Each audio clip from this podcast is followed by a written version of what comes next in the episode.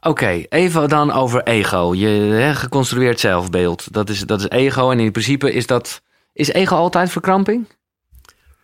Ten opzichte van die open, ruime, natuurlijke staat van zijn, is ego altijd verkramping. Ja, ja, ja. het is altijd wat de zen-mensen noemen het small mind. Ja? Ten Ja, opzichte ja. van big mind is Ja. die eenheid met alles. En small mind, dat is ik, weet je wel. Maar ik vind vooral goed dat jij ook zegt. En dat het, eh, dat het ook weer niet. Ik bedoel, je moet niet de illusie hebben dat je egoloos bent. Nee, nee, nee. En, Nee, en- ja. En, en voor dat, is, een dat is streven, een toch? vergissing die vaak gemaakt wordt. Omdat ego weliswaar de oorzaak van alle problemen is. En mensen dus denken, dan moet ik dus van dat ego af. Ja. En ik moet egoloos worden. Maar dat is een eh, uitdrukking uit de spiritualiteit die verkeerd begrepen wordt.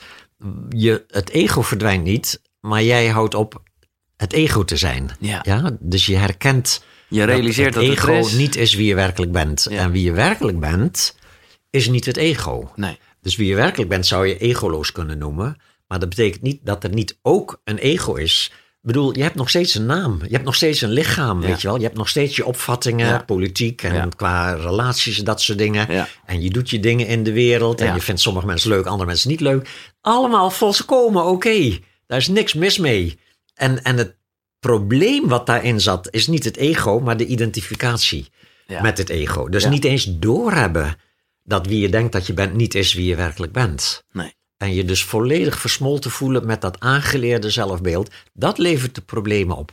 En spiritualiteit zegt dus niet dat ego moet stoppen. Nee, je moet ontdekken dat jij dat ego niet bent en dus eigenlijk de-identificeren. Ja. Die identificatie met dat ego loslaten door te ontdekken wie je werkelijk bent.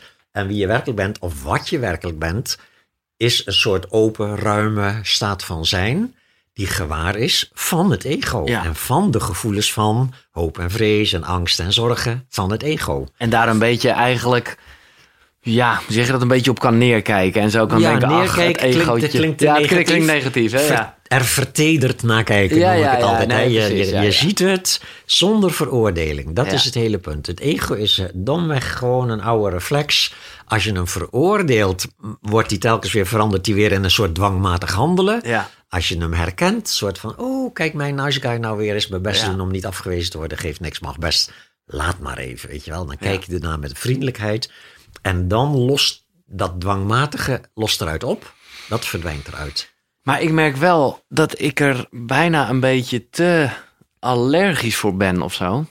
Geworden. Juist omdat ik me er gewoon heel- wel heel erg bewust van ben. En nou, bijvoorbeeld hè, dit, dit concept van mij, koekeroe noem ik het. Wat een soort zelfbedacht woord is, wat heel erg gaat om je binnenste. En dan dus juist niet je ego. Eh, Mhm. Ik weet niet of je dat je ziel moet doen, maar gewoon je eigen. Ja. Gewoon wie je, wie je echt, echt bent. Hoe, hoe, ja, hoe Wat dat dan ook is. Ja, hoe Ja. universeel dat ook mag klinken, exact. Alleen, ik merk dan toch dat ik het ook, juist omdat het hier dan over gaat, ik denk, ja, maar wie ben ik om dat te zeggen? Wie ben ik? Hoezo ga ik eh, mensen meenemen op mijn pad? Eh, want dan vind ik dat weer ineens heel, ego, eh, vind ik dat weer heel erg Mhm. ego of zo. Ja. Dus dat, eh, ja, ik zou willen vragen, hoe ga jij daarmee om? Want Ik denk dat, eh, dat eh, wat je nu beschrijft is een stadium in de ontwikkeling van bewustzijn, waarin je wel bewust wordt van je egopatronen, maar nog niet vrij bent van het oordeel erover. nee, En dan heb Ja. je dus toch van, oh, dit is toch wel een beetje ego. Daar klinkt dus al een beetje soort van, is dit wel oké? Mag Ja, dit eigenlijk nee, wel? Is dit wel spiritueel genoeg of zo? hè? Dat, hè? En, eh, en daar zit hem nog, maar die, die, die valkuil moet je doorheen. Je kan hem niet voorkomen. nee, Dus de, het, het, zeg maar, de, de, de volgorde is eigenlijk dit. Eerst ben je je ego. Je kent het woord niet eens, bij Nee, wijze van spreken. nee. Hè? Dat is in onze jeugd Precies. ontstaat dat zo. En dan ergens in je volwassen leven word je je bewust van bepaalde aspecten van dat ego. Onder invloed van zowel de kennis erover als onder invloed van je eigen ervaring. Namelijk dat bepaalde delen van je ego leveren herhaaldelijk voor problemen Ja. op. Ja, leveren ellende op af en toe. En daardoor leer je ze kennen.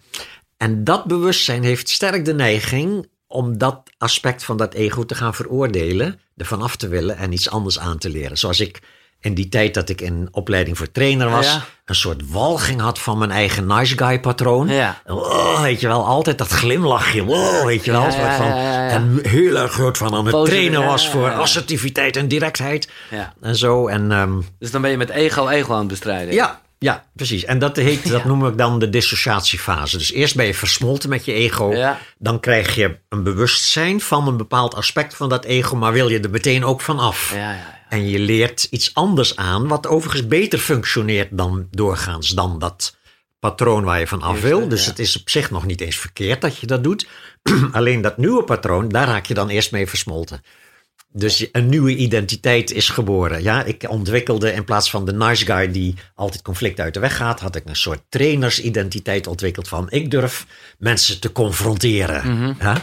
En dat deed ik dan ook af en toe. Ja, te pas en te onpas. Ja. Dus dat werd En ook pas weer een daarna, beetje eh, je, pas ja, daarna ja, komt dat stadium, dat noem ik dan het spirituele stadium. Dat is dat je bewust wordt van je ego, maar tegelijkertijd leert dat dat niet het eigenlijke probleem is. Nee. En dat het probleem hem alleen maar zat in het niet bewustzijn van je ego. Dus moet je dat wat je leert zien ook nog eens leren liefdevol te omhelzen zonder het te willen veranderen. Dus jij hebt iets gemaakt waarvan je, weet je wel, uit een soort van, Ja, vanuit je ego gewoon. Je bent radiomaker, je denkt, laat ik eens iets nieuws doen ook. Ja, je zet iets neer, Ja. Weet je wel. En je wil daarin ook nog bepaalde dingen waar je enthousiast over bent, wil je delen. Bepaalde opvattingen. Ja. Je wil mensen interviewen waar jij enthousiast over Ja. bent, weet je wel. Ja. Dat is allemaal ego. En er is niks mis mee. Precies, bedankt. Ja? En het punt is nu dat je tegelijkertijd, als je ook nog regelmatig zeg maar mediteert, word je daar steeds bewuster Nou, van. dat is het natuurlijk. Dat zit net te bedenken van hoe. En dat is, de, dat is het antwoord. Door inderdaad op regelmatige basis te mediteren. Omdat dat altijd de momenten zullen zijn dat je daar los van komt. Ja. En Ja. kan realiseren, hé, hey, de afgelopen uren... Ja. eh, Ja, eh, precies. Ja. Het is kijken naar en niet oordelen over wat je ziet. Nee. En dat moet je echt oefenen, want anders blijf je een beetje heen en weer gaan tussen versmelten en dan weer dissociëren en dan weer veroordelen en dan weer vinden dat je anders moet zijn dan je bent en dat soort dingen. Maar dat betekent dus, eh, ik neem aan dat jij dat zo doet, dat je dus ook gewoon onwijze structuur hebt, eigenlijk hebt gemaakt om regelmatig te mediteren. Ja, maar dat groeit ook. Dat, Want, ja, eh, ja. in het begin, ik kan me herinneren, de eerste twee jaar dat ik in, bij die Tibetaanse leraren les volgde, deed ik niks aan meditatie. Nee, ik vond het tijdverspilling. Ja, ja, ja. Ik was toen nog in, die, in de, zeg maar, de, de overtuiging van de linkse intellectueel. Als je alles maar snapt, dan zijn al je problemen Precies. voorbij. Er is gewoon veel het informatie. Duurde, het duurde twee Ja, jaar, ja, van wel heel veel studeren, en boeken lezen goed. en zo. Hè? dus, eh, Totdat ik doorkreeg dat met snappen alleen ga je er niet komen. Hè? En dat was zijn. toen. En toen eh, kreeg ik ook onderricht van een andere leraar die het ook net ietsje toegankelijker uitlegde ook. En zei: Oh, wacht even, nou snap ik het. Nou, dan ga ik eraan beginnen. En dan begin je met vijf of tien minuten per dag, weet je wel. Ja. Dat is dan al een hele prestatie. ja, En dan geleidelijk aan breidt zich dat dan uit. Ja. Dat is de bedoeling. Dus ik geef mijn cursisten ook altijd mee. Als je echt ambitieus wil zijn, doe drie keer per dag vijf minuten. Als beginner. ja. En pas als je het gevoel hebt van, hé, is het nou al voorbij, die vijf minuten, dan mag je Dan naar tien door. Waarbij, eh, dat eh, is toch ook wel even goed, eh, waarbij je verschillende soorten van mediteren hebt. Hè? Want ja. ik ben al lang blij dat veel meer mensen ermee bezig zijn. En zeker op het moment dat het een soort rust in jezelf geeft, is dat allemaal prima. Maar eigenlijk, ja, nee, ik weet niet hoe je dat, al- ja, ik weet niet of je echt twee soorten mediteren hebt. Maar ja, je hebt twee soorten Ja, mediteren. toch? Ja, Ja. grofweg heb je twee Ja. groepen. Je hebt van ene gewoon een beetje een soort rustig in je hoofd, wat fijn is hoor. En ik, misschien ga je er... Ja, dat eh, noemen ze de kalmeringsmeditatie. Ja, en, eh, en shamatha in Sanskriet is een, is een onderdeel van spiritualiteit. Maar tegelijkertijd fungeert het volledig op ego-niveau. Ja, Het ego, je zoekt de onrust niet op. Ja, je, ego zegt gewoon, van, ik moet gewoon iets doen om te kalmeren, Ja, weet je wel. Ik ja. ga 20 minuten per dag. En dan meestal die, die tak van meditatie, daar zie je mensen altijd met hun ogen dicht ook zitten. Ja. Vaak ook met een koptelefoontje op met een Japans Geleide fluitje of of, een geleide meditatie. Ja. Een stem, een zachte warme stem die jou de kalmering inbabbelt. ja. En dat is prima, daar is niks mis mee. Ik noem dat wel eens wellness spiritualiteit. Ja. Het effect is hetzelfde Ja. als een Ja, dagje sauna. Ja, heerlijk, Nee, niks prima. mis mee. Nee. Alleen het brengt je niet, zeg maar, uit die identificatie met je eigen gedachten. Nee. En daarvoor heb je dus andere methoden, eh, die ook vaak meditatie genoemd worden.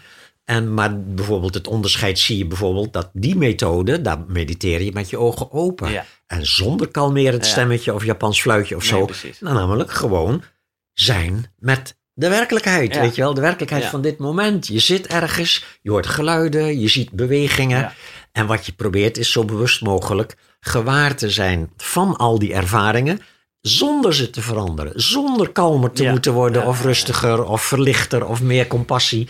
En in dat, zeg maar, loslaten van ego-streven om beter te willen worden dan je nu bent, ontstaat als het ware spontaan die helderheid die ze dan, zeg maar, verlichting noemen. Ja, maar ja, ja, nee, je zegt het, maar precies dat ego vindt dat ook daarna. Eh, kan je daarna weer een complimentje geven Ja. over, eh, nou, dat heb je goed Ja, dat- gedaan. ja, ja, en het grappige is, de, Boe- de Boeddha heeft dat allemaal al voorzien. Dus de Boeddha gaf heel veel meditatiemethoden die eigenlijk het ego een soort worst voor de neus hangen. ja. Ja, en als je hem dan blijft doen, doe je dat in eerste instantie omdat je iets wil bereiken. Een Dus soort toch doel, ego, ja, prima, worst voor je neus, ego. Ja. En, en aldoende levert dat geleidelijk aan een soort besef op van... hé, maar wacht eens even. Een soort van, wat ben ik eigenlijk aan het doen hier? Dus je moet eerst, moet dat ego... wie gaat er op het spirituele pad? In eerste instantie gewoon het ego. Ja, oké. Ja, je wordt geïnspireerd Oké, door oké. een boek en een leraar. En je denkt, oh, vrij van lijden, weet je wel. En zinvolle relaties aangaan en zo. Hè, Dat wil ik ook. En je gaat je oefenen. Je gaat nog meer boeken lezen en cursussen volgen en workshops en zo. En aldoende ontstaat ergens in dat proces Oké. Een soort spontaan soort van... ja, maar wacht even. Ja. Wie is hier eigenlijk zijn best aan het doen om verlichting te bereiken? Maar dat kan toch niet? En dan, en dan ineens zeg maar, ontstaat er die, die openheid, die Ja, ruimte om dat ego heen. Waarin je dus eigenlijk juist door niets te doen, je bevrijdt van Ja. de beknellingen van dat ego. Nee, precies. Door het gewoon zo te laten zijn. Ook niet weg te duwen. Ja, oké, oké. Nou, dit, eh, oké. Onwijs bedankt hiervoor, Jan. Dit is, Ja. eh, dit is voor mij eh, is dat heel veel. Ehm, ja, oké. Dan ehm eventjes meer naar, nou ja, ik denk, is, is, is eigenlijk, is de opluchting jouw grootste boek of Verslaafd aan de Liefde? De, qua verkoopcijfers, verslaafd aan liefde. Ja, ja, oké. Ja, ten eerste de opluchting is eh die 15 is ook jaar ouder. Ja, maar die is nog in allemaal, die is, nog, die is nog die vertaald is nog zo. steeds ook, ja, is inmiddels ook een bestseller. Ja, Maar qua aantallen ligt dat dan toch nog iets lager dan eh, Verslaafd aan Liefde. moet die Verslaafd aan Liefde, moet die ook niet vertaald worden en zo? eh, is, is vertaald Oh, is eh, ooit geweest in het Duits. Maar daar is er op een of andere manier is die uitgever is aan gestagneerd. En het is, eh, het is, ik heb het zelf laten vertalen in het Engels. Ja. Maar het is niet bij een Engelse uitgever. Ah, oké. Eh, dat is ons tot heden niet gelukt om een Engelse uitgever te vinden. Dus hebben het gewoon, eh, mijn uitgever, mijn Nederlandse uitgever, die heeft het gewoon als print on demand heeft het Mhm. ja, uitgegeven. ja, oké. Dus het is te krijgen in het Engels, Oké. maar het verkoopt heel weinig. Want het zijn vooral mensen die het in het Nederlands gelezen Ja, hebben en ja. die een Engelstalige Die het vriend ja, maar of echt. vriendin hebben. Hè? Die moeten het ook lezen. Dus eh, Nee, want ik moet zeggen, en dat is niet omdat je nou tegenover me zit, maar ik denk echt dat het, als het gaat over specifiek dit onderwerp, en natuurlijk zijn er best wel veel boeken over geschreven, eh, maar nou, dat er komt nog... een eh, Franse uit. Ah, oui. Ja, die is Oké. Accro à l'amour heet het. ja, ja. Verslaafd aan eh, liefde. En eh, het komt geloof ik in september komt het uit in Frankrijk. Oké, oh, Ja. dat is leuk. Ja. Eh, even voor de mensen die het niet gelezen hebben. het komt erop neer dat, nou ja, liefde heel erg voor ons in ons hoofd vaak is dat je, nou ja, dat het ga- eigenlijk gaat om eigenwaarde geven. Hè? Dus, dus toch? Ja, liefde en erkenning van anderen nodig hebben om een soort van kunstmatige eigenwaarde in stand te houden. Ja, Ja, en het spirituele visie laat zien dat dat zo werkt en laat ook zien hoe je rechtstreeks contact kunt krijgen met een soort inherente eigenwaarde. En dat betekent niet dat je dan geen relaties meer nee. hoeft of wil aangaan. Het betekent alleen dat je veel minder vanuit angst en behoeftigheid je vastklampt aan een partner en veel meer vanuit liefde en overvloed als het ware deelt met een partner. Mhm. Ja, dus het ego blijft ook gewoon actief. Ja? Ja. Dus je valt Nee, op precies. bepaalde leuke mannen of vrouwen en op Ja. andere types val je niet. En in, dat, in die relatie komen ook allerlei dingen weer aan het licht van je ego. Ja, en het enige verschil is dat je bijvoorbeeld niet je partner verwijt als jij het moeilijk hebt, maar dat je dan herkent, wacht even, de partner doet weliswaar iets of laat iets wat bij mij pijn doet, maar dat Ja. is mijn eigen geest die daar nog een stukje onverwerkt, zeg maar, verleden heeft. En zo, dan help je elkaar echt om, zeg maar, oude, oude identificaties te genezen door ze liefdevol te omhelzen. Ja. Heb jij een lange tijd gehad dat je, dat je het een beetje uit de weg ging? Want ik merkte zelf, nou, dat uiteindelijk heeft het niet zo lang geduurd, maar dat ik wel eh, een beetje door de kennis die je dan eh, nou ja, tot je krijgt, onder andere zeker vanuit jouw boek. En toen was ik dus ook alleen. Eh, alles behalve eenzaam, maar wel Mhm. lekker alleen. En ik Mhm. merkte toch dat op het moment dat er weer een vrouw in mijn leven kwam, dat ik eigenlijk dacht: oh, maar ja, ik was eigenlijk beter toen ik alleen was. Eh, wat, ja, wat ik ook weer niet meen, want dat zou een beetje lullig zijn voor mijn vriendin. Maar ik bedoel te zeggen dat je, ja, bijna een beetje. Ik bedoel, ik heb veel respect voor monniken en zo. Maar ik denk soms Ja. ook wel eens van ja, zo kan ik het ook. Weet je wel, lekker, ja, lekker, voor- en nadelen. lekker afgesloten van alles. En dan heel erg, heel erg kosher en clean en oprecht met jezelf Ja. zijn. Ja. Maar ja, je gaat eigenlijk het gevaar niet meer aan. Hè? Je Ja, gaat er- precies. Dat, heeft, eh, dat eh, kloosterleven heeft wel een klein beetje een soort van... ehm, Ja. Nee, nogmaals respect. Ja, eh, ja. Want het, het- is ook goed voor de wereld of zo, denk ik. Maar heb jij dat gehad? Dat je, dat je gewoon ook door de inzicht en ook een beetje de drama die je gehad hebt... heel erg dacht, oké, relaties, dat is niks voor mij? Nee, niet zo extreem, maar ik, ben, ik ben, heb wel, ben wel heel voorzichtig geworden in het al te snel levens met elkaar laten vermengen. Ja. Dus na dat huwelijk, wat zeg maar stuik gelopen is in de in, zeg maar, einde vorige eeuw, klinkt zo lekker lang geleden. ja? Ja. Maar eh, daarna heb ik nog wel relaties gehad, Ja. maar eh, dan bijvoorbeeld toch al vrij snel duidelijk van laten we dan niet gaan samenwonen. Nee, nee, wel elkaar regelmatig zien. Ja. Eh, ik had natuurlijk al kinderen, dus het hele idee van samen kinderen, dat hoefde al niet Nee. meer.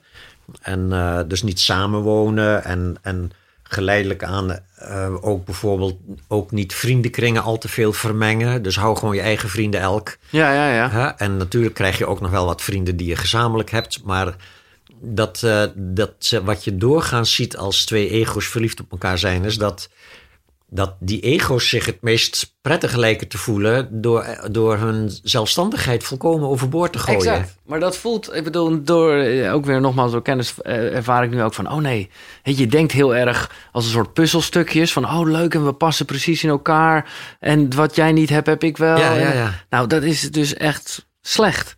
Ja, dat werkt. Dat werkt Dat dus- werkt niet. Tenminste, ervan uitgaande dat je zelf groeit en op een gegeven moment ben je Ja. een ander puzzelstukje en dan werkt Ja. het niet meer. Ja, dus eh, ja, ik heb eh, inderdaad eh, in de loop der jaren wel, wel geleerd om daar, om daar ehm, voorzichtiger in te zijn. Maar niet vanuit een soort bindingsangst. Nee, want precies. ik kan toch behoorlijk verliefd worden ook. En dan, weet ik al van, oh, dit gaat Oh, weer pijn doen, ja, weet je wel. Maar ik ga het... Maar dan geef je er wel aan over. Ik ga het wel doen. Ja, gewoon, lekker, natuurlijk. Ja, oké, een beetje, ja, Het zou een beetje absurd zijn. Nou om ja. Zoiets leuks dan soort niet te doen, omdat het ook pijn gaat opleveren, Ja. weet je wel. Dus daar heb ik geen last van. Nou, dat zeg jij dan. Ik, de- ik weet mijn moeder, dat is een iets andere situatie, maar door het overlijden van mijn vader en mijn zus merk ik heel erg, en ik krijg haar dat niet goed uitgelegd, dat zij heeft besloten, en ik, ik snap het, uit een soort veiligheid van oké, ik ga gewoon weinig sociale contacten aan, Want dan is het gewoon altijd wel een zesje. En ik heb er nog gezegd, ja, Ja. maar mama, een acht en een vier is toch een leuker leven, is gemiddeld ook Ja, een zes, ja. maar je hebt wel die acht. Ja, ja, ja, ja. ja. Maar dat is, Ja, dat, eh, dat is, maar dat kan je, dat ieder zijn eigen keuze. Ja, hè? Dus ja, mensen willen dan zo. een tijdje gewoon een soort van kalm, eh, even, even in een kalm hoekje. ja, In een marmotten hoekje eventjes bijkomen. En dat kan een heel leven duren. Ja. Of het, ze kan ineens toch weer iemand Nee, tegenkomen en, en, het, eh, en het verandert weer. Hè? Ja, maar denk jij dat het... Hè, want ik weet dat je op een gegeven moment wel erover had eh, dat, dat... Nou, eigenlijk wat je net zegt, samenwonen. Nou, dat is, is funest. Funest voor de liefde. Funest voor de liefde. Ja, in ieder geval, het is een zware aanslag op de Ja, liefde. maar denk je wel Ja. dat het kan? Want kijk, je kan ook gewoon natuurlijk je eigen hokje bewaren. Of jezelf, ja, hè, dat, kan, kijk, je moet, eh, je, als je allebei heel erg gemotiveerd bent om je eigenheid te behouden, juist in je relatie, in plaats van en naar een soort eh, symbiose te streven, Mhm. Dan kun je dat waarschijnlijk ook nog wel in een eigen huis. En, eh, en natuurlijk, veel mensen hebben ook niet het geld dan om twee huizen te hebben. Zeker niet als je ook nog kinderen hebt. Hè? ja. Dus, eh, Maar als je dan in ieder geval eh, zeg maar, het heel belangrijk blijft vinden om je eigen vriendenkring te houden, om ook dingen alleen te doen zonder je partner. Ja. En als je kinderen hebt, om dan gewoon echt elkaar ook regelmatig vrij te stellen van het ouderschap. Ga jij maar lekker een weekend eh, met een tent op de Veluwe staan, weet je wel. En ik doe dit weekend de kinderen of iets dergelijks. Weet Ja, je wel, elkaar echt loslaten en vrijheid geven. En dan denk ik dat je ook in hetzelfde huis wonend toch een spirituele liefdesrelatie kunt hebben. ja. Maar het is beslist moeilijker dan als je bijvoorbeeld apart woont en een deel van de tijd niet samen bent. Nee, want dan, Ja. ki- dan kies je er sowieso voor Ja, om dan moet je dus ook kiezen om samen Ja, te zijn. En anders is het samen zijn bijna een soort basisuitgangspunt. Ja. En moet je heel erg je best doen om het niet samen zijn daarin te, Nee, te nee. bevechten, als het ware. En hoe, eh, want dat is een veel voorkomend eh, onderwerp in, in, in, in al mijn gesprekken. En ik weet dat jij daar ook zeker iets mee hebt. Eh, dat is seks. En dus, of nou dus, en dan ga ik automatisch naar tantra. Ik heb er al Ja. een aantal goede gesprekken over gehad. Wanneer eh, kwam bij jou het besef dat seks meer is dan zelf klaarkomen? Ja, ja, ja. Want dat, ja, Ja, dat was dat voor is, mij, eh, eh, ik vond het echt, eh, ik, ik, nou, ik had er nooit over nagedacht. Ja, nee, ik ook niet. Nee. Nee, totdat ik dus in aanraking kom met spiritualiteit. Tibetaans boeddhisme heet eh Vajrayana, maar Vajrayana wordt ook wel eens Tantrayana genoemd. En in het Tibetaans boeddhisme zit dus ook, zeg maar, zit ook spirituele kennis over het werken met, zeg maar, man-vrouw energie, laten we het dan maar zo noemen. Ja, hè. ja, ja. Die energie die, eh, zeg maar, op het moment dat je er op een andere manier naar kijkt dan ge- ge- voor het ego gebruikelijk is. Het ego ervaart die energie als een gemis wat opgevuld moet worden. Ja, zin in seks ja. is geen probleem als de opvulling al zo'n beetje, Nee, nee, zeg maar, naast je ligt. Ja. Ja. maar als dat er niet is, dan kan zin in seks kan een probleem zijn. Ja. Waar je jezelf dan eventueel snel vanaf kan helpen. Exact. Maar toch op den duur ga je dat missen. En dat, dat voelt als, als een vorm van zelfafwijzing ook. Ja. Ja, dan ga je toch twijfelen aan je, aan je, of je wel leuk genoeg bent, mooi genoeg bent, aantrekkelijk genoeg bent. En ehm, dus in Tantra leer je om seksuele begeerte te herkennen als energie. Eh, en daarvoor moet je dus een, een soort van training doen ook. En de, en de belangrijkste training voor mannen hier is dat je eh, loskomt van je orgasme-obsessie. Ja, eh, ongetrainde mannen moeten klaarkomen om een vrijpartij tot een succes te maken. En als je gevreden hebt en het is er niet van gekomen, de meeste mannen eh, eindigen dan chagrijnig. Ja. Ja. dan is er iets misgegaan en je bent zelf mislukt of je partner is mislukt of wat dan ook. Dus dat is, eh, dat is, een, dat is een soort training en eh, die, die moet je dan doen zonder dat je het verlangen naar een orgasme Ja. gaat bestrijden. Hè? Want daar hadden we het net al over. Wat je bestrijdt maak je juist erger. Ja, dus het is een hele um, mooie training om te doen. Ik heb er over geschreven in mijn laatste boek ook. Ja. En uh, de, dus ik ga daar nu niet te veel in details over in, maar het is echt een hele mooie training. Nou, ik vind, ja, en ik vind dat je het ook uh, goed beschreven hebt in je boek. Ja, en uh, het resultaat is dus dat je je, je bevrijdt van die dwangmatigheid Ja. die er in seksualiteit zit. En dat je bovendien, als je met een partner oefent, ook buitengewoon extatische ervaringen kunt krijgen die zeg maar heel erg soort van, soort van kleine verlichtingservaringjes zijn. Ja, en dus het is, uh, het is uh, ook als je dat met een partner doet, dan een partner is ook spiritueel bezig, dan kun je daar elkaar Ja, enorm in. Uh, Nou, laat ik dan toch even, even jouw quote gebruiken, want die vind ik tamelijk briljant. Het was alsof ik mijn hele leven mijn tuin had aangeharkt met een fiets.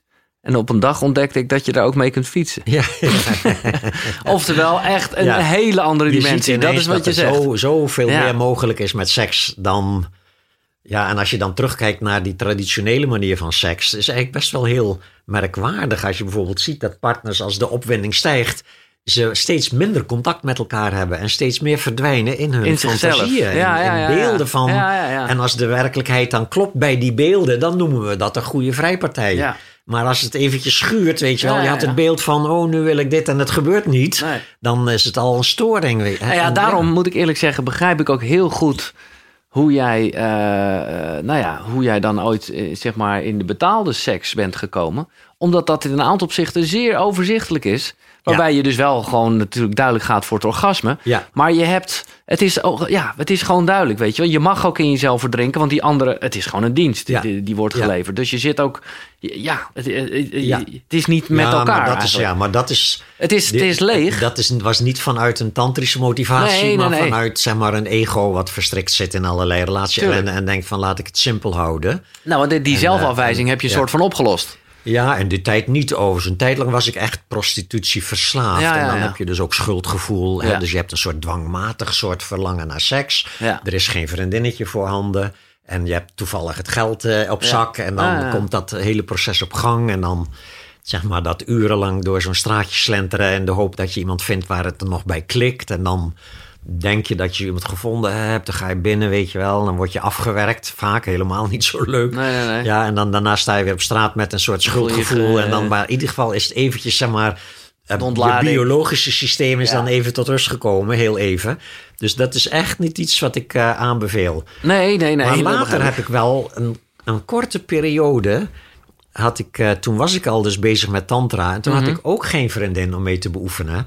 Toen heb ik nog wel een paar keer met een prostituee Ja, tantra ja, beoefend. ja. En dat was wel heel erg leuk. Dat was ehm, ja, iemand die dat dus ook wou. En natuurlijk, er, zat, er stond een betaling tegenover en wel. Maar het was toch ook wel iets wat iemand dan wel graag wou. En er was ook duidelijk wel sprake van een soort contact hierover. Ook niet alleen maar een soort afwerken. Nee. En zo is de, daar heb ik wel leuke herinneringen aan. En is dat niet iets, eh, want ja, de, de- ja, ik kan me voorstellen dat dat, hè, we hebben het eerder gehad over, over drugs. Nou, dat, dat snap ik dan wel, hoe je daar ook echt helemaal niet meer naar taalt.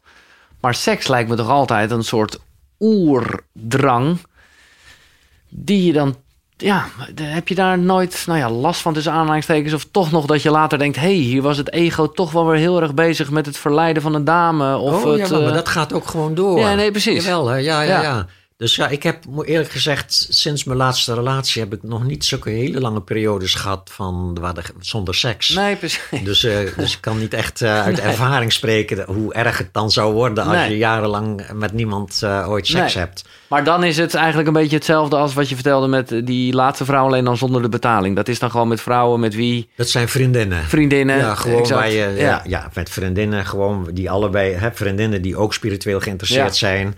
En je praat erover, je vindt elkaar aantrekkelijk en leuk. En je gaat gewoon af en toe met elkaar naar bed omdat je tantra wilt beoefenen. Ja, maar goed, samen. het is natuurlijk, ik hoef jou niet uit te leggen. eh, De valkuil is natuurlijk heel erg dat ook die dames weer denken: oh, ik doe het met de grote Jan Geurts. eh, dus is dat allemaal wel, eh, snap je? Is het allemaal wel. ja, dat moet je wel even van tevoren wel Nee, goed ja, bespreken. tuurlijk, ja, Dan ja. Met de dame in kwestie moet je wel even het gevoel hebben of ze inderdaad ook echt tantra willen beoefenen. Ja. Of, of dat het, of, hè, maar dat- ik moet eerlijk zeggen, in spirituele kringen. Ik bedoel, ik heb het, het verschijnsel groupie ken ik wel uit mijn tijd dat ik in band eh, speelde. drummer, ja. Maar in de, in de spirituele kringen, nee, is het eigenlijk, Nee. valt dat reuze mee, Nou eerlijk gezegd. Ik ben er blij mee om te horen, want eh, ik, eh, het is, en ik snap dat eigenlijk heel erg. juist omdat het gewoon heel erg gewoon over het leven gaat. Het is natuurlijk wel een besmet iets eigenlijk met de hele, met de spirituele wereld. Als je gewoon kijkt naar, of dat nou yoga is of weet ik veel wat. Hoeveel eh, leraren of goeroes of hoe je het ook wil noemen, uiteindelijk niet eh, nou ja, aan het licht komt dat ze er misbruik Dat van ze hebben misbruik gemaakt. maken, ja. ja. En ik begrijp dat wel, als ik Ja. eerlijk ben. Ja. Hoe dat ontstaat in ieder geval. Ja, ja, nee, dat snap ik ook. Mijn leraar, eh, die Tibetaanse leraar Sogyal Rinpoche, is ook eh, beschuldigd van misbruik. En, en ik heb dat natuurlijk van nabij meegemaakt. Ja. Ik, ik heb, overigens wist ik nooit dat hij ze misbruikte. Ik dacht eigenlijk dat die jonge meiden gewoon, zeg maar, uit vrije wil het met hem deden.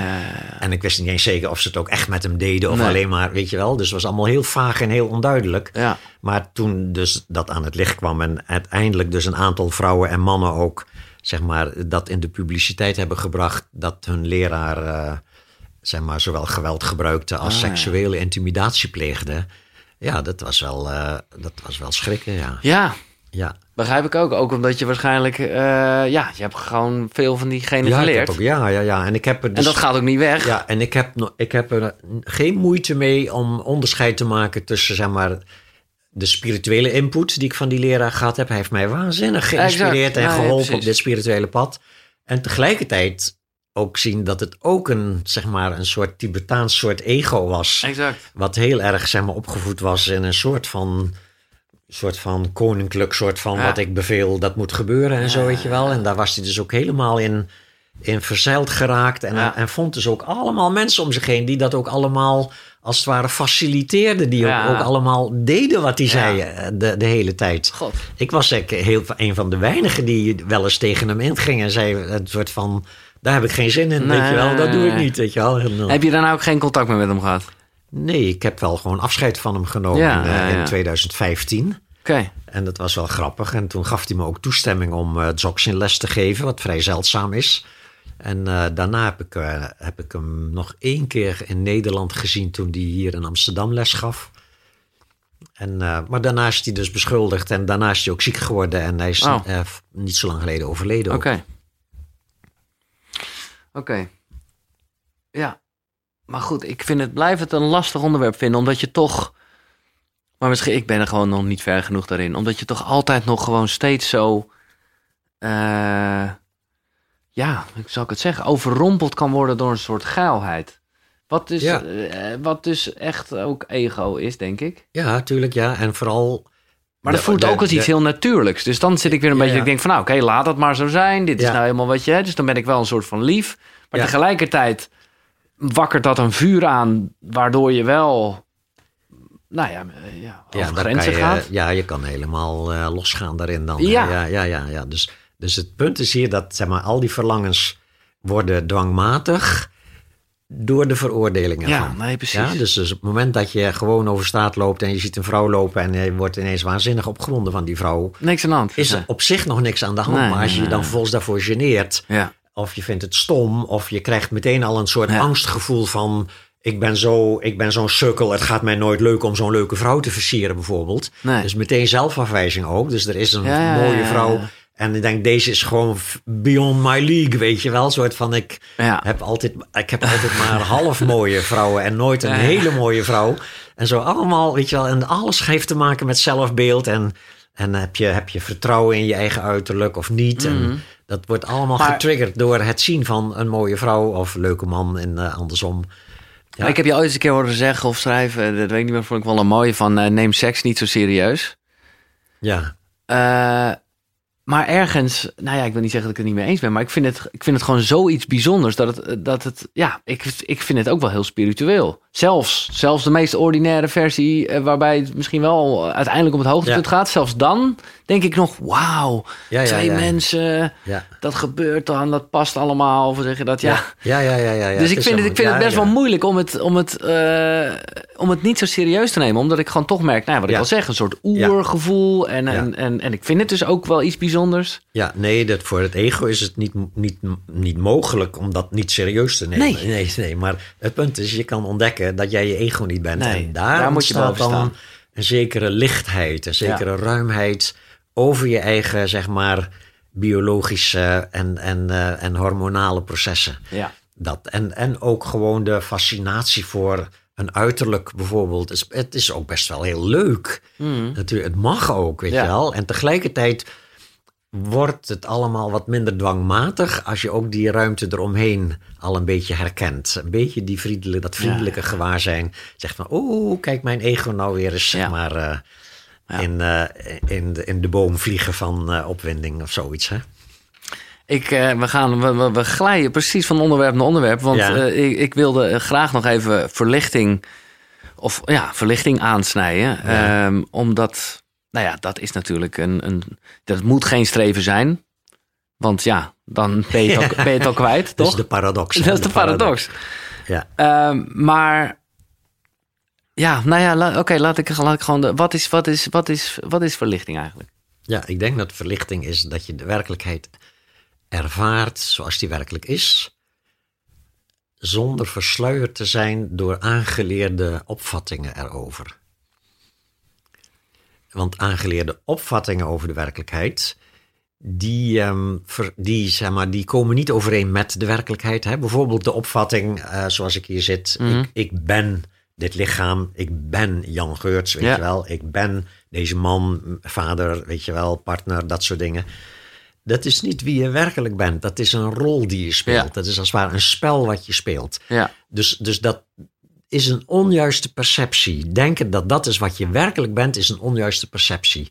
Net zo goed als dat is dan naar binnen toe. En naar buiten toe hebben we ook de neiging om die werkelijkheid om ons heen, deze kamer, die bomen buiten, Allemaal om die te- ook te beschouwen als werkelijk bestaande entiteiten. Die er precies zo staan zoals wij ze waarnemen. Dus we hebben een soort soort splitsing gemaakt tussen de waarnemer van de werkelijkheid. Die zit dan op deze stoel. Hè? Ja. Die kijkt door mijn ogen naar de werkelijkheid. En dan buiten mij is er een echte werkelijkheid. En mijn waarneming van die werkelijkheid, die klopt met die werkelijkheid. En dat is dus allemaal niet waar. nee. Er is geen scheiding te maken tussen waarnemer en werkelijkheid. nee. Maar de gedachten schreeuwen dat dat wel zo is. En daarom lijkt het ook alsof we dat werkelijk waarnemen ook. Ja. Ja, en, en zolang je dus werkelijk gelooft dat er een werkelijke ik op jouw stoel zit, die onafhankelijk bestaat van een werkelijke boom buiten jou, En dat dat twee, zeg maar, objectieve werkelijkheden zijn die op een of andere manier dan met elkaar moeten zien uit te vechten. Dat heet wat boeddhisten samsara noemen. Ja, en, en in feite dus je hecht geloof aan je gedachten over de werkelijkheid. En dat is natuurlijk, dat lijkt nog niet zo'n probleem als je gelooft dat daar een echte boom staat. Je denkt, daar staat een echte boom. Dat lijkt nog niet zo'n probleem. maar zo gauw die gedachten over jezelf gaan. ja, ja. En over je bent niet goed om van te houden. Je bent niet zo mooi, weet je wel. Je bent Nee. mislukt. Of juist andersom. Je bent een hartstikke succesvolle schrijver, weet je wel. Dat soort dingen. Als je dat werkelijk gelooft, dat levert ellende op. Ja. En daar zit hem dus het, zeg ja, maar, maar je moet er ook niet in. Niet, je moet er ook weer niet in niet geloven. Hoe zeg je dat? Want dat- het is ook weer niet, want dat zou weer Niet betekenen dat je. bestrijden. Nee, je moet niet bestrijden. Je moet het niet Je moet je bestrijden. ego niet willen uitzetten. Want Nee. het, eh, oh man. Nee. dus heb, jij, heb jij. Hoe moet ik dat zien? Hoe voel, hoe voel je dat zelf? Heb jij momenten? Heb jij. eh, Ja, momenten. Ja. Dat is momenten die zeg maar, vaak genoeg gebeuren om een soort, een soort overtuiging te hebben dat het klopt. ja. Dat het, eh, hè, wat de Boeddha zegt, dat dat klopt. Maar dat zijn dan toch, zijn dat, ik bedoel, is dat ook bij de bakker? Of is dat gewoon wel echt als je op een kussentje mediteert? Nee, dat kan eh, ook op spontane momenten Ja, ja, ja. zijn. Ja. En dat is ook bijvoorbeeld bij tantra-beoefening kun je dat ervaren. Ja, begrijp ik. En je kunt het ervaren als je door het bos loopt. En je kunt het ervaren als je aan het mediteren bent. Of je kunt het ervaren als je naar je kleinkind kijkt, eventjes of zo, dat soort dingen. En wat is, en maar denk jij, eh, hè, ik kan me zo voorstellen dat jij gewoon de hele tijd een beetje op die grens eh, balanceert, zeg maar. En af en toe dan, dan ben je er zo af, overheen. Ja, af, precies. Ja, ja. Maar denk je, maar, maar, maar is, het, is het een streven, of ja, daarmee maak ik het bijna kapot, dus hoe moet ik dit zeggen? Of ja, Ja, heb nee, je nog wel is, eh, hoop de- laten dat we je... de paradox gewoon bij zijn naam noemen. Ja. Er is een soort streven naar het einde van het streven. Hè? ja, En je best doen om op te houden, je best te doen. Maar het, het is minder gek dan het klinkt. Want ehm, dat, het beeld wat in, eh, in Dzogchen en Tibetaans boeddhisme gebruikt wordt... is van een glas modderig water. Als je Dat wil dat het helder wordt, dat water, moet je er vanaf blijven. ja. En dat komt omdat de helderheid is de, de essentie van het water. Ja. En de troebelheid is dus een soort eraan toegevoegd. Is niet de essentie van het water. Nu hetzelfde is, die versluiering van de werkelijkheid is, er, zeg maar, is niet de essentie van de geest. Het zijn al die gedachten en het geloven dat ze echt waar zijn. Die ons afhouden van die zeg maar, volmaakte eenheid van de werkelijkheid. Dus het enige wat je moet leren is eigenlijk iets af te leren. Namelijk geloven dat je gedachten werkelijk waar zijn. En in plaats van dat je dus gelooft dat jij de denker van je gedachten bent, leer je geleidelijk aan zien dat jij de waarnemer van je gedachten bent. Ja. En dat die gedachtenstroom eigenlijk een soort autonome, continue oorzaak- en gevolgstroom is. Die waar je mee identificeert, dan ben jij dat. Ja. Maar als je dat kunt loslaten, dan kun je dat zien en herkennen als niet wie je werkelijk bent. Nee. En dat bevrijdt je dus van die dwangmatigheid erin.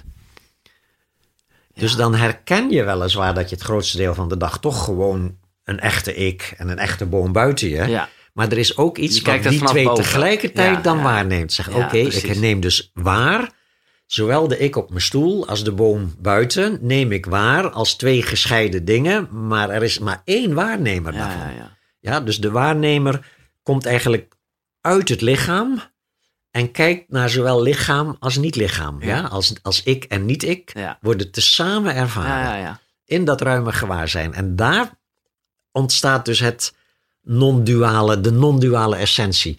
Dus het is ook niet zo dat onze huidige dualistische ervaring van de werkelijkheid, van een scheiding van subject-object, dat je die moet bestrijden. Nee. Nee, je moet hem juist leren waarnemen. Ja. Maar niet vanuit het subject.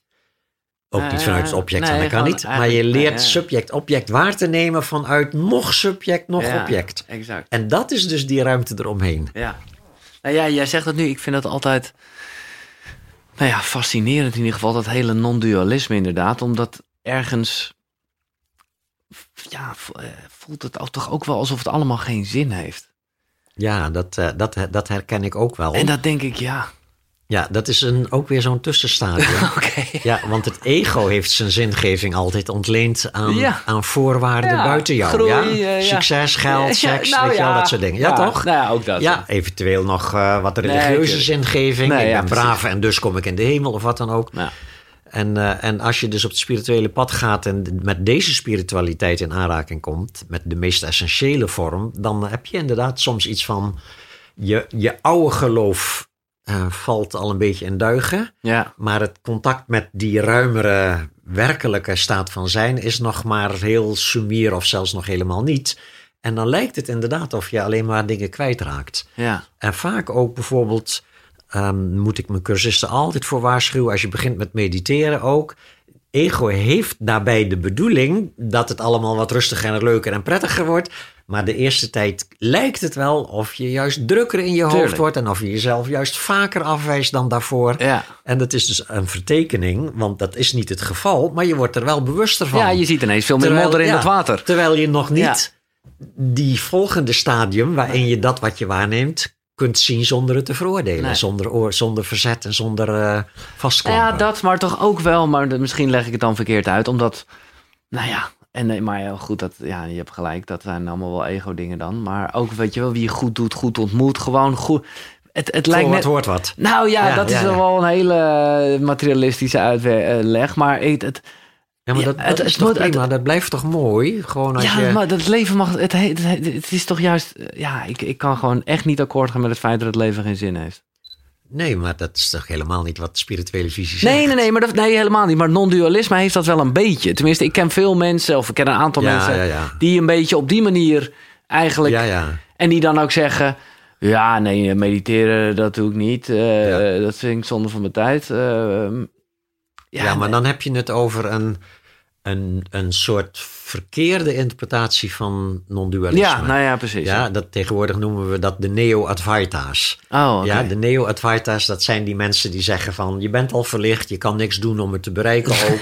Eh, alles heeft geen enkele zin, je kan er niks voor doen ook, Nee. je kan niks bereiken. En ik snap wel wat ze zeggen. Het zit allemaal in ons, tuurlijk. Ja, het zit allemaal al dat, in ons. Dat is ja, wel maar waar. dat je dus niks kan doen om Nee. dat te realiseren. Ja. Dat, dat is een, zeg maar, dat is een, een verkeerde interpretatie Ja. van die andere boodschap die wel waar is. Namelijk dat de werkelijkheid is al volmaakt. Ja, tuurlijk. Alleen tegelijk, hè, dus je kan hem niet creëren. Je kan volmaaktheid niet creëren. En verlichting is dus niet een, een soort resultaat wat door inspanning bereikt kan worden. Het kan niet gecreëerd worden. Maar je kunt wel al die dingen die je op dit moment nog denkt. En Ja. die jou afhouden van de realisatie van die volmaaktheid. Die kun je afleren. Ja, daarom. En dat Ja. afleren aan zich is een strijd. Dat is een proces. Exact. Dus Ja, dat, is een proces. is, dus en dat mag je best... sluipt ook telkens weer een soort streven in. Ja, Maar het grappige is nu dat telkens ook weer een stadium bereikt wordt waarin je herkent van, oh, maar wacht even, hier kan ik beter ophouden met streven. ja, ja, ja. Ja, dus het streven moet eerst gedaan worden om Ja. het te kunnen loslaten. Maar hoe... Want eh, dat lijkt me gewoon zo... zo ja, lastig in de fase waarin jij nu zit. Of lastig, maar gewoon dat je gewoon... Ja, dat je toch bij wijze van spreken opstaat met, met, met de positieve gedachte... Oh, ik hoop dat ik vandaag weer eventjes een verlicht momentje heb of zo. Ah ja, ja, ja, ja. Nou, dat, dat, dat soort gedachten heb ik dan niet. Nee? Ze komen vanzelf wel. Die komen gewoon... Ja, Ja. nee, maar dat is Ja. natuurlijk ook precies wat je nee, moet nee, hebben. Nee, dat grappige dat op dat gebied heb je geleidelijk aan heb je juist steeds, steeds minder hoop en vrees. Ik Nee, kan wel s morgens wakker worden en zegt, oh, ik hoop dat ik vanmiddag mijn vriendinnetje zie. Ja. Zoiets, dat staat dan al in de agenda, dus dan, dan kan je daarvoor uit. En dan herken ik wel, de, oh, dat is Jan zijn ego, zijn Ja, jonge maar honden dat is ook ego. prima dan. Weet je wel, die weer echt zin heeft om zijn vriendin te zien Ja. en zo. Weet je, hartstikke leuk. En dat mag, voor mij mag ik dat dan denken en voelen. Ja. En dat geeft tegelijkertijd een soort ruimte omheen van waarin je dus iets minder bang bent om iemand kwijt te raken. Ja. En iets minder, zeg maar, je, je iemand claimt ook om bij je te blijven, dat soort dingen. Oké, en tot zover deel 2 van het gesprek dat ik had met Jan Geurts. Ik vind het zelf ook weer een plezier om te luisteren. Meer info vind je op eh, de website koekeroe, koekeroe, koekeroe.nl, waar je ook een hele videoversie van dit eh, hele gesprek kan beluisteren. Volgende keer, de laatste keer, dan heb ik het onder andere met Jan over Jingtsu, een fenomeen. Eh, tot dan, zonnegroetjes. Hoi!